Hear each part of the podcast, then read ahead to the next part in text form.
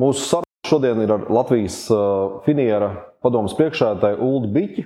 Latvijas finieris ir Latvijas kokrūpniecības flagmans, Latvijas Nacionālās uzņēmējdarbības čempions un top 101 vērtīgāko uzņēmumu, viens no vērtīgākajiem uzņēmumiem. Mums ir ļoti interesanta un spraiga saruna par atbildīgu uzņēmējdarbību, par vērtībām, par zaļu uzņēmēju darbību un nākotni visiem kopā.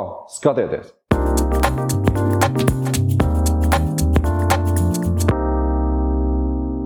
Labdien, Ulu! Paldies, ka piekrīt piedalīties šajā pasākumā. Labdien! Jā.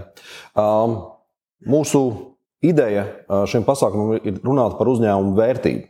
Jo uzņēmuma vērtība ir uh, funkcija no uzņēmuma pelnītspējas, un no tā, kā šo uzņēmumu pelnītspēju vērtē uh, ieguldītāji uh, visā pasaulē.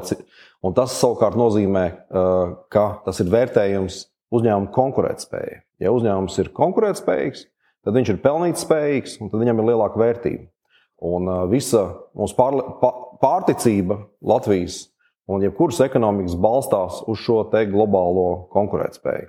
Un mērķis ir runāt, un, lai cilvēki to saprastu, Un lai mēs atrastu veidu, kā palielināt mūsu uzņēmumu šo globālo konkurētspēju, caur to viņu vērtību un caur to Latvijas turīgumu. Tā ir tā teorija. Tu pārstāvi Latvijas teiksim, kokrūpniecības flagmanu, Latvijas finieri, kas ir visas šīs nozares arī flagmanis. Un kokrūpniecības uzņēmums šī gada Latvijas vērtīgākā uzņēmuma top 101 sarakstā ir piedzīvojuši strauju vērtības pieaugumu. Latvijas finieriem ir izdevies saglabāt augstu vietu uh, šajā sarakstā. Kādi, uh, uh, tavuprāt, ir bijuši galvenie izaicinājumi šai nozarei Latvijā un Baltijā? Tātad, nu, tie ir 21. Gads, gada, 20, 2021. gada, nu, tātad 21. un 22. gadā. Um. Laikam jāsaka uzreiz, ka tie iepriekšējie gadi ir bijuši pietiekoši tādi strauji uz augšu, uz leju. Un droši vien ļoti individuāli no uzņēmuma vai apakšnozares, kurā nu, tas uzņēmums ir. Un, un, un, un droši vien, ka nevar tā pateikt par visiem, kad visiem gāja labi vai visiem gāja slikti.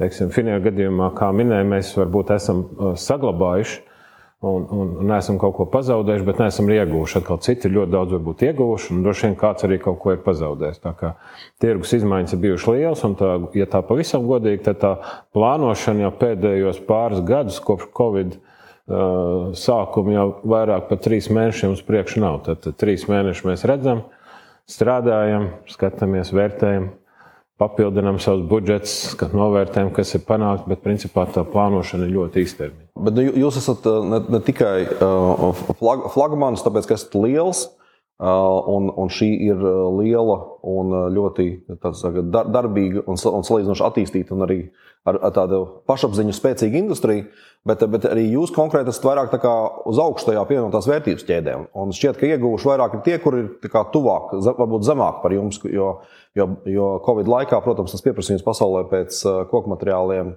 dažādi veidi bija ļoti liels. Nu, tur atkal droši vien no segmenta uz segmentu, kad uh, tur, kur bija varbūt maisaimniecības pretī, un tas Covid laiks tiešām iedeva papildu laiku cilvēkiem kaut ko padarīt mājās, un kādu dēlu nopirkt, un kādu plātu nopirkt, un kaut ko saremontēt. Tur tiešām tas pieprasījums bija liels. Atkal rūpnieciskajā segmentā atkal bija jāskatās, nu, katra nozara, katra valsts gāja savādāk tam Covid stāstam cauri.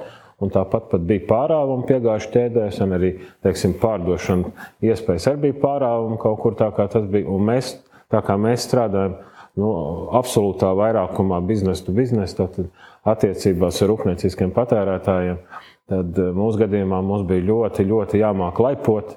Kā saka, ja kaut kur nevar pārdot, tad varbūt kaut kur var bišķiņu vairāk pārdot un arī pietiekoši elastīgiem savā ražošanā un tirniecībā, kas, protams, beig beigās, ja tu esi liels un diversifikācija ir liela un plaša, tad tas ir iespējams pietiekoši labi sabalansēt, bet nu, līdz ar to tā plānošana patiesībā vairāk ir īsāka perioda laika. Tas, man liekas, bija tas grūtākais, grūtākais uzdevums iepriekšējos pat, teiksim, divus līdz trīs gadus. Latvijas finanses ir viens no retajiem Latvijas uzņēmumiem, diemžēl, kam ir ambīcijas iziet globālajā tirgū.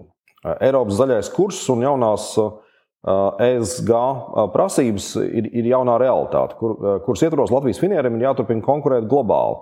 Vai, vai redzat šajās tendencēs arī kaut kādas neapgūtas iespējas uzņēmumam, uzņēmumiem, nozarei Latvijai kopumā? Es domāju, ka kopumā mums jāpieņem, ka tā pasaules izmaiņas šobrīd notiek ļoti lielas un ļoti tādas dziļas, kas nozīmē gan pieeja enerģētikai savādāku, gan tiek pārskatīta un pārvērtēta piegāžu ķēdes garumi, tātad šī starpkontinentālā tirniecība.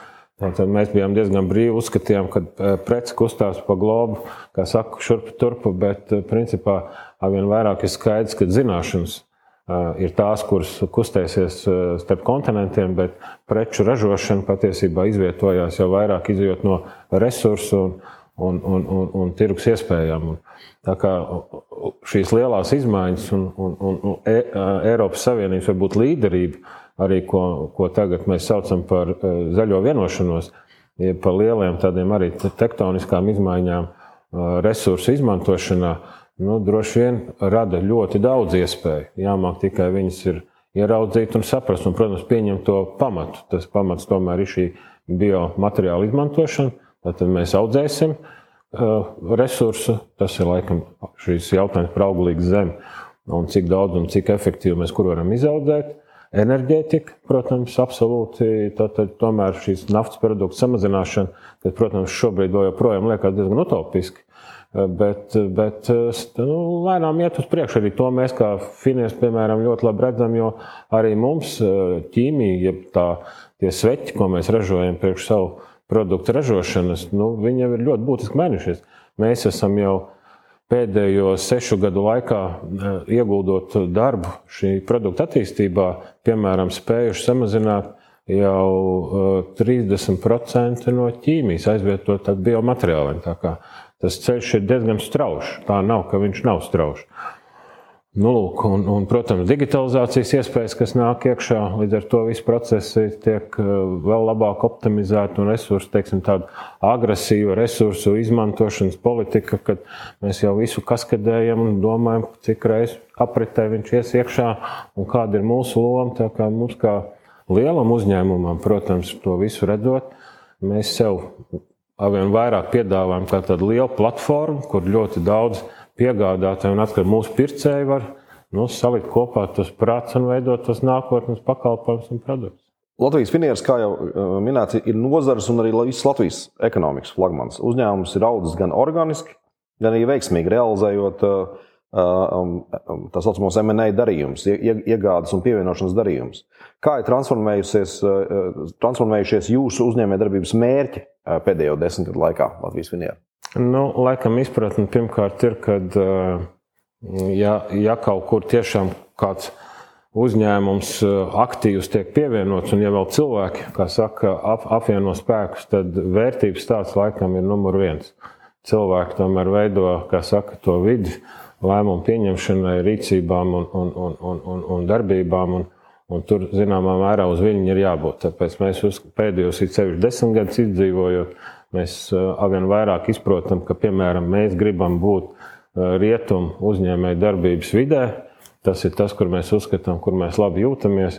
Mēs gribam veidot kooperācijas, teiksim, tādas labi saprotamas, nosacīt šī produktu attīstības un, un zinātnes attīstības pasaulē, kas ir vairāk rietumdaļā. Protams, ir jābūt miedarbībai un, un saskarai ar citiem reģioniem, bet tomēr tā rietumu pasaule, man liekas, ir tā, kas mūs arī pievelk, kur mums mēs labi jūtamies. Un jūtamies, ka saka, ka, ja mēs kaut ko norunājam, tad mēs arī uh, apusē varam pildīt tās norunas. Tā tas ir laikam tā, tā lielākā pārliecība, kas ir nostiprinājusies, varbūt tās ir īpaši beidzamo desmit gadu laikā.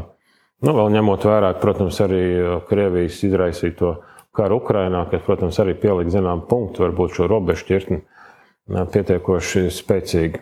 Nu, kas vēl varbūt tās, ja runā par, par, par, par to organisku augšanu vai, vai iegādi, nu, organiskā augšana varbūt pat zināmā mērā ir lēnāka, bet eh, toties droši vien iespēja uzņēmumam un arī cilvēkiem ir vieglāk sabalansēt visus nepieciešamos resursus, kā saka, tā plānošana ir tāda pragmatiskāka. Nu, ja tu atkal piedalīties, varbūt vairāk kaut kur skatoties, kaut ko pirkt un, un, un kaut ko pievienot, tad, tad protams, var panākt straujāku izaugsmi, var noteikti nopirkt tos resursus, kas trūkst, un to iegūt tās pozīcijas, kas trūkst.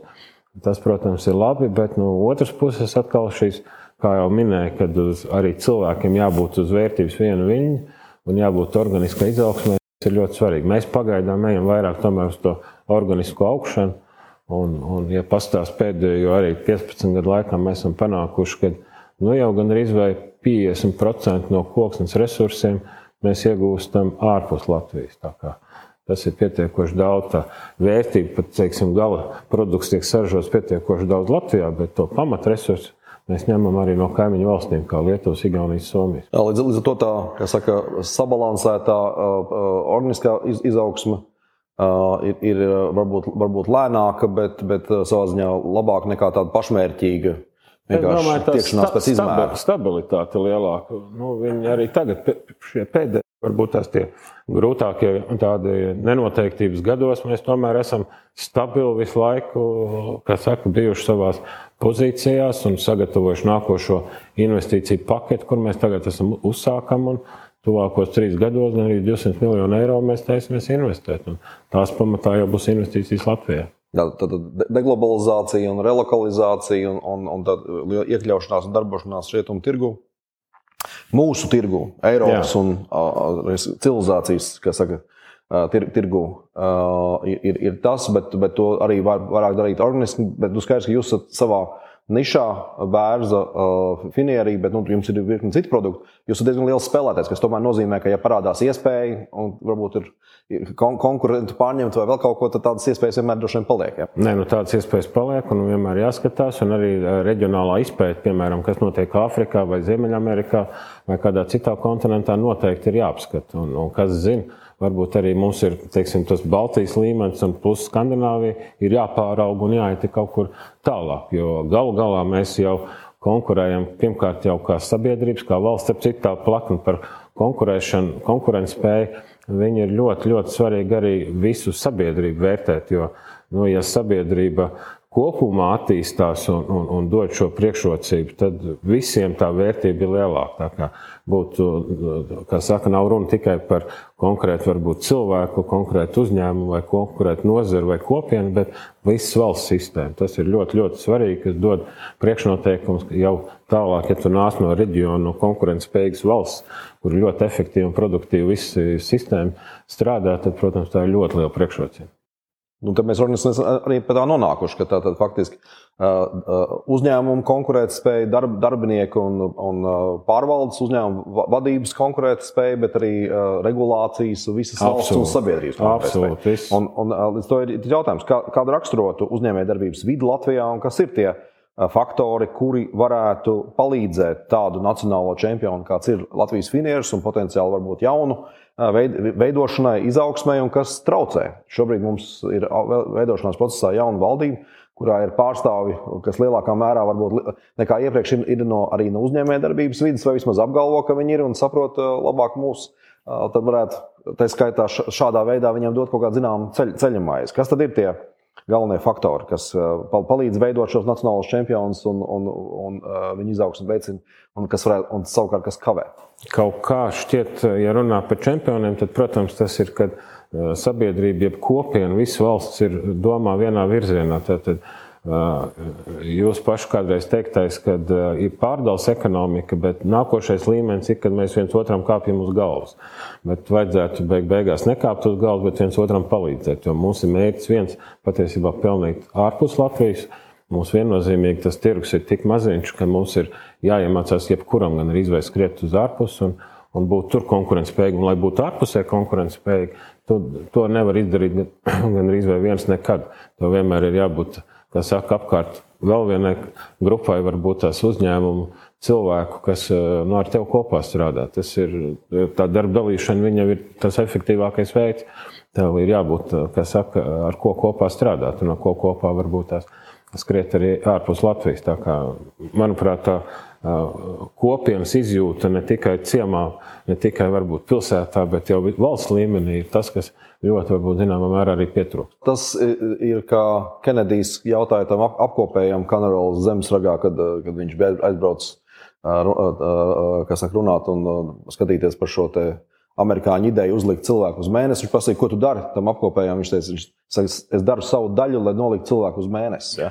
Principā, katram Latvijā vajadzētu saprast, ka tā Latvijas pārticības stūrakmenis galu galā ir mūsu spēja pārdot uh, globāli mūsu uh, preces, pakalpojumus un piedzīvojumus par augstām cenām, lai šeit visiem, kā saka, tā kapēja gal galā nobirtu un viss labāk dzīvotu. Nu, lai gal galā mēs paši varētu iegādāties arī tos pakalpojumus un preces, ko mēs neražojam. Jā, jo, jo mēs kā maza un atvērta ekonomika, mēs gribam tik daudz no pārējās pasaules, jā, ka, ka mums ir daudz kas jāpārdod. Mums un, ir daudz kas jāpārdod. Līdz ar to katram ir jāsaprot, kur viņš stāv tajā sistēmā, nevis kā viņš palīdz, kā veidojās šis sabiedriskais labums. Bet nu, kā mēs to varam darīt? Jo mēs tieši tā, mē, nu, mēs pārāk daudz esam laika patērējuši pirmos 20 gandrīz neatkarības, pēc, pēc neatkarības atgūšanas gadus šajā pārdalē.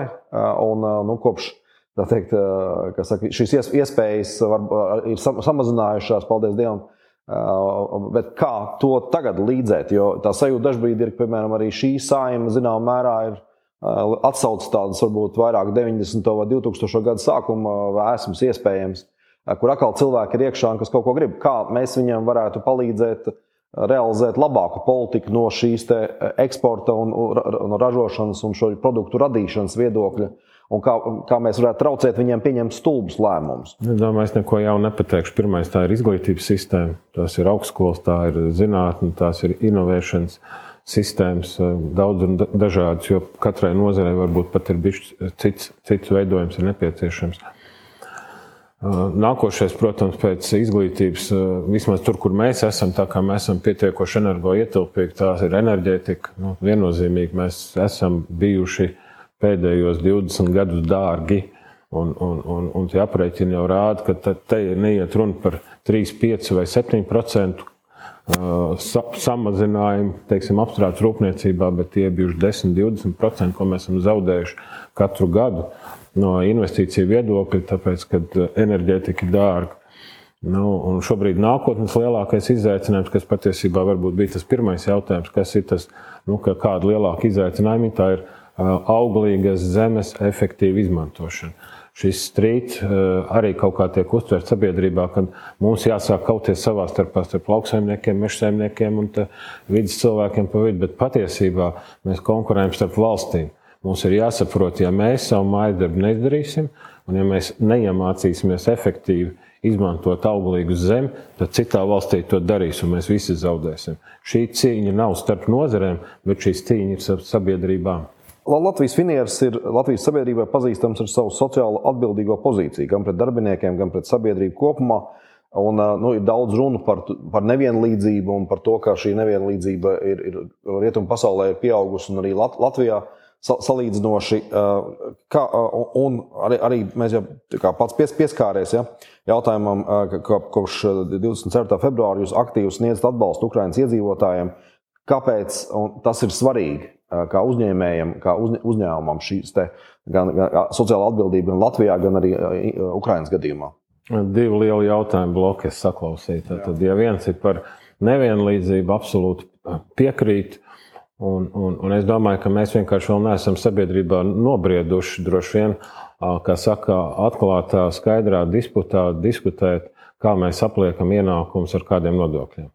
Jo tas pirmais līmenis ir, protams, darba samaksa, kad tu esi algots darba ņēmējs, kā saka, darba līguma pamats. Tas ir viens domāšanas veids un nodokļu sistēma, otrs, ka tu sāc pelnīt uz kapitālu. Un tad kaut galā kādi ir tie maisaimniecības ienākumi, kāda veidojās struktūra, cik cilvēki strādā tikai no algas, cik ir tādi, kas strādā gan no algas, gan no kapitāla un dažādākiem veidiem, varbūt tās vien vairāk dažādojot, ir tā labklājība aug un beig beigās, ja tu strādā tikai no kapitāla.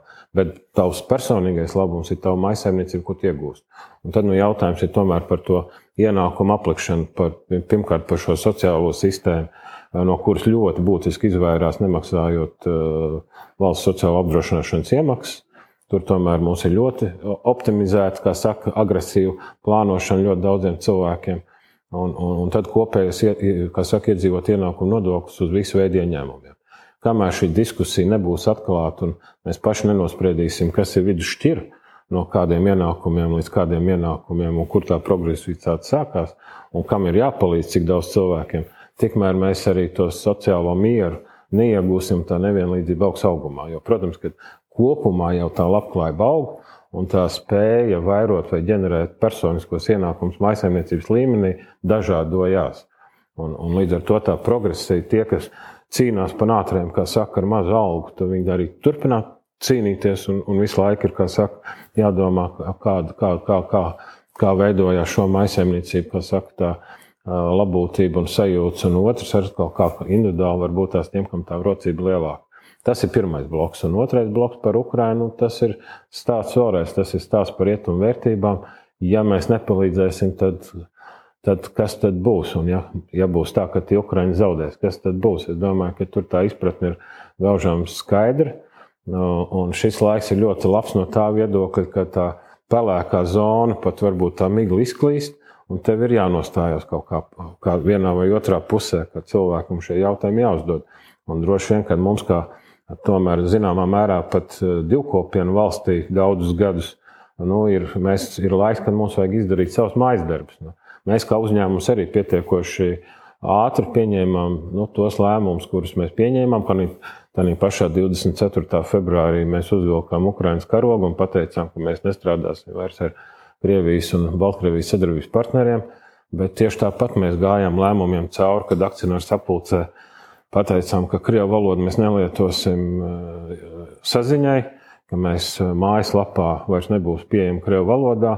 Varbūt tās ir mazas nianses, kas liekas pirmā brīdī pārspīlēts, bet ja tev kolektīvā ir vairāk kā 2000 cilvēku, tad kolektīvs gaida skaidru redzējumu, kā mēs darām, kur mēs ejam, kā mēs atbalstam, un tā iesaist par to Ukrainu mums bija tāda arī varbūt pat ļoti interesanti. Mēs sākumā izveidojām nosacīt tādu naudas apjomu masu, ko mēs atbalstīsim, izējot no pārstrādātā apaļkoka daudzuma. Tātad par katru pārstrādāto kubikmetru 5 eiro mēs nolikām maliņā, kur tad tālāk varēs izmantot atbalsta programmās pret Ukraiņas iedzīvotājiem. Un, un, un, un, un, bet tālāk komunikācijā mēs sākām iesaistīt citām formulām. Mēs, tā summa ir apmēram līdzīga kā 1% no pārdotās aplākšņa apgrozījumu. Tātad mēs sākam līmēt uz pakām, sūtīt prom informāciju, ka jūs maksājot par preci, 1% samaksājat, lai atbalstītu Ukraiņu. Tā mēs iesaistījām visus mūsu pircējus. Ar darbiniekiem mēs atkal izrēķinājām, ka tā summa ir apmēram vienāda kā 100 eiro uz katru darbinieku. Tad jūs, kā darbinieks, saražojāt vērtību, tā skaitā sev algu un tā skaitā 100 eiro atbalstam priekš Ukraiņas. Un, un, un tā var būt tās meklējot tos nosacīt tā viena cipara atbildes lielumu un komunikācijas veidu, mēs arī mēģinājām maksimāli iesaistīt vēlreiz stāstā par vērtībām, kur mēs atrodamies, kur mēs gribam būt un, un, un kas ir jāizstāv un kāpēc jāizstāv. Tā, tā kā tā atkal vesels liels varbūt stāsts, bet, bet, bet nu jā. Un pret valsts ierēdniecību mēs patiesībā sakam to, ka tā, tā, tā naudas masa, ko mēs novirzām Ukrāņiem, ir 10% no nodokļu masas. Tātad mēs brīvprātīgi apņēmāmies samaksāt 10% vairāk nodokļu nosacīt priekš, kā saka, šī atbalsta Ukrāņiem. Patīkam to, to dzirdēt, un, un arī šī ziņā Latvijas finieris uzvedās kā kas saka, šīs uzņēmējdarbības čempions un, un flagmans rādot piemēru, es domāju. Un, gan stingrai stājai, gan robežšķirtnē, kas saka, jāizdara šī izvēle. Jo skaidrs, ka saka, tā ir daļa no varbūt, mūsu Latvijas neveiksmēm, salīdzinot ar Lietuvu un Igauniju, salīdzinošām šajās, šajos pēdējos 32 gados kopš neatkarības atgūšanas. Pārāk daudz laika mēs esam izšķieduši skatoties uz tiem austrumiem un domājot, ka tur kaut kāds bizness ir iespējams. Realtātē tātad bizness ir iespējams tikai ar, ar, ar, ar rietumiem, tur, kur ir nauda un tur, kur ir šīs vērtības un kur ir šī kārtība un sakārtotība, lai, lai tas bizness būtu iespējams. Un tā ir tā orientācija. Ja mēs uztaisām kvalitīvu produktu, tad, tad viņu jebkurš tāpat tās agrāk vēl no mums nopirks, jo viņš būs pasaules līmeņa produkts. Um, Top 101 šogad, tā teikt, un mēs viņu veidojam kopā ar Nasdaq. Un ar, arī šī raidījuma sērijas ietvaros mēs šeit runājām ar, ar virsmu lielāko īpašnieku un ir pieaugusi uzņēmuma iziešana biržā. Un, protams, ka ja mēs runājam par šiem Latvijas čempioniem, tad ir svarīgi arī, viņiem ir iespēja iegūt kapitālu un kādu kapitālu viņi var iegūt. Jo kopumā Latvijas bankās, Latvijas uzņēmumiem un privātpersonām ir aptuveni 20 vai pat šobrīd jau vairāk miljardi eiro. Faktiski bankas nespēja izdot to apjomu ne tuvu kredītos, kas ir pieejams noguldījumos. Un, Un, nu, nekustamā īpašuma tirgus vairs, paldies Dievam, nav tik pievilcīgs. Un, un tai naudai būtu jāiet, tā skaitā jāpalīdz veidot šo uzņēmumu. Un viens no tiem mehānismiem ir birža. Protams, ka tāds uzņēmums ar, ar, ar, ar, ar, visam ar šo politiku, ar attieksmi un vispārējo būtu, kā saka, biržas mīlulis. Vai, vai, vai kaut kas tāds uh, lielajai, nu, Latvijas Finam jau tā ir liela akcionāra salīdzinoši saima un bagāta. Un, un arī kā privatizācijas piemērs viņš bija viennozīmīgi pozitīvs. Vai, vai ir kaut kur jūsu nākotnē tāda vispār doma un redzējums, ka tam būtu vieta būt nacionālajiem čempionam ne tikai saviem darbiniekiem un, un akcionāriem pašreizējā veidolā, bet varbūt arī, arī, arī teikt, plašākām potenciālo akcionāru masām? Droši vien, ka mēs esam pagaidām tāds hibrīds, jo tik tiešām mums ir ļoti kupls akcionāru skaits. Mums ir vairāk kā 500, 500 akcionāru un visi viņi ir maziņi. Un, un, un pamatā tāpēc, ka viņi ir strādājuši, vai viņu bērni, kas ir mantinieki. Un, un, un tas modelis ir tāds, kas varbūt tās līdz šim prasīja pietiekoši finansiāli konservatīvu politiku, lai saglabātu saka, to, to biznesa modeli un akcionāru struktūru. Un līdz ar to mēs droši vien mūsu bilance nav tik pārspriegota, vai mēs neesam tik strauji attīstoši kad mēs gribētu piesaistīt šobrīd kapitālu. Mēs it kā tiekam galā nosacīt ar tiem sadarbības partneriem, ar bankas instrumentiem, un, un, un, un tā nu mēs ejam uz priekšu. Bet nākotnē, nu, kas zina, tad, protams, ka instrumenti ir dažādi. Tā skaitā šī naudas piesaista caur kotāciju biržā. Nu, mēs to ļoti labi saprotam. Un, un, un, nu, jāskatās, kā veidosies attīstības, cik strauji vai tas ir Latvijā, vai tas ir ārpus Latvijā, un, un, un vai jāmeklē partnerība, tā skaitā ar kapitāla piesaisti. Man liekas, tie, tie ir tādi jautājumi, kas ik pa laikam, teiksim tā, nu, periodiski ik pieci, varbūt septiņi gadi, pa jaunu jāvērtē un jāskatās. Pagaidām tādu plānu nav. Bet nesaki nekad. Nu, tad, tad tas ir nākotnes jautājums izvērtējums. Varbūt ir vēl, vēl kaut kas, ko vēlēs pats, kas saka, pateikt, ka, kas nav pajautāts vai ko būtu labi un svarīgi šajā, šajā saka, medijā ieinteresētiem klausītājiem pavēstīt? Es domāju, ka tas, man liekas, man ir ceļš jau pirmajā minūtē piesakot, likās, kad runājot par tām dimensijām, kad vēlreiz gribu uzsvērt to, ka, lai sabiedrība kopumā nonāktu tomēr tādā lielākā pārticībā un labklājībā, tad, tad ir tik tiešām vairāk ir jādomā, kā mēs viens otru kā saka, studējam, kā mēs veidojam zināšanu pārnesu un, un jaunus projektus, un iesaiste būt, atvērtība būt. Tātad varbūt tās arī tagad tuvojās, varbūt gada beigas un tuvojās Ziemassvētku. Vajag novērtēt, kā saka, padarīt tos darbus, bet vajag būt, varbūt arī vajag padomāt par to, ar kuru cilvēku varētu aprunāties, varbūt kur uzrunāt, un nekad nevajag baidīties to darīt. Jo tikai varbūt tās veidojot atkal jaunās, jaunās grupās, varbūt tās jaunas zināšanas, nu, tad arī var radīt tos nākotnes čempionus. Mm. Es teiktu, kā, kā mūsu brāļiem, ebrejiem, būt saka, kritiskiem un piekasīgiem vienam pret otru. Un, bet te pašā laikā palīdzēt, atbalstīt un vilkt vienam otru ārā, nevis, Precīzi. nevis gremdēt.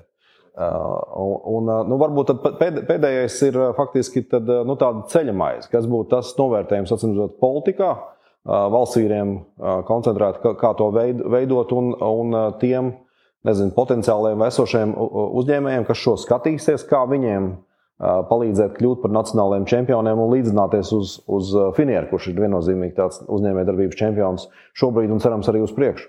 Es domāju, ka valsts vīriem un sievām Un, kā saka, ierēdniecībai viņiem arī vajag ieraudzīt tos nosacītu daudzo nozaru, apakšnozaru līderus un viņus vilkt gaismā. Nu, tad viņiem būtu pat pienākums nevis nerunāt un baidīties runāt ar uzņēmējiem, bet runāt ar, ar tiem uzņēmumiem, tiem, tiem līderiem, cilvēkiem, kur patiesībā jau ar savu darbu ir pierādījuši, ka viņi ir kaut kādas līderības, ir kaut kādi procesi, ko viņi ir paveikuši, un, un tad viņus iesaistīt jau, kā saka, atkal šajā informācijas atvērtībā un stāstos, jo, jo mēs jau katrs individuāli un visi kopā veidojam stāstus, nu, kuriem mēs paši gribam ticēt, bet kas mums dod arī šo labklājību. Okay, un, un, cit, un uzņēmējiem? Uzņēmējiem, nu, uzņēmējiem, kā jau teicu, ir jābūt liekas, pietiekoši atvērtiem, komunikabliem un nav jā, jā, jābaidās veidot attiecības, bet pats pamats, protams, ir turēt vārdu. Nu, tas, manuprāt, tas ir viss svarīgākais, kas var būt, kad tās norunas, kas tiek norunātas, ka viņas tiek pildītas. Saku, orientēties uz mūsu rietumu un kristīgajām vērtībām un strādāt uz, uz globu, tā teikt. Protams. Un, un, un sav, savukārt attiecībā uz, ka, nu, no, vienas puses katrs savā darbā, viss kopā valsts darbā, kā Ulmans esot teicis, ja? un, bet, bet arī nu, nebērt sev nevajadzīgi pelnus uz galvas un sev nenoniecināt, bet celt un slavēt to, to kas ir un saprast, ka šie eh, čempioni ir, ir tie punkti, aiz kuriem mēs izvelkam, jo viņiem apkārt veidojas puduri un nobirst informācija un viss tas pārējais, un prasmes un sadarbība, kas palīdz celt visu pārējo teikt, valsti uz augšu. Mēs tomēr, nu, kā lai pasakā, tās. It sevišķi, jo tu vairāk ceļo, jo tu saproti, ka eh, mēs esam pietiekoši tālu tikuši. Un arī tas, katra mūsu individuālā varēšana, ko mēs esam vai darām, teiksim, Latvijā, viņu var noteikt kaut kur kādam palīdzēt citā reģionā. Tad, tad nebaidīties ar to, ko tu dari šeit, Latvijā, iziet ārpusē, jo citam tas vēl ir varbūt tāls sapnis. Paldies, Ulu! Um, es uzskatu, ka uzņēmēji ir, ir zemes sāls, jo uzņēmēji saka, iegriež to virpuli, kas rada to, to pārticību. Un, uh, nu, paldies, ka Finieris un jūs visi turpināt to, to darīt savā vietā, un mēs to darīsim savā vietā. Paldies, paldies. Par, par, par turīgu Latviju. Paldies par sarunu. Paldies par sarunu.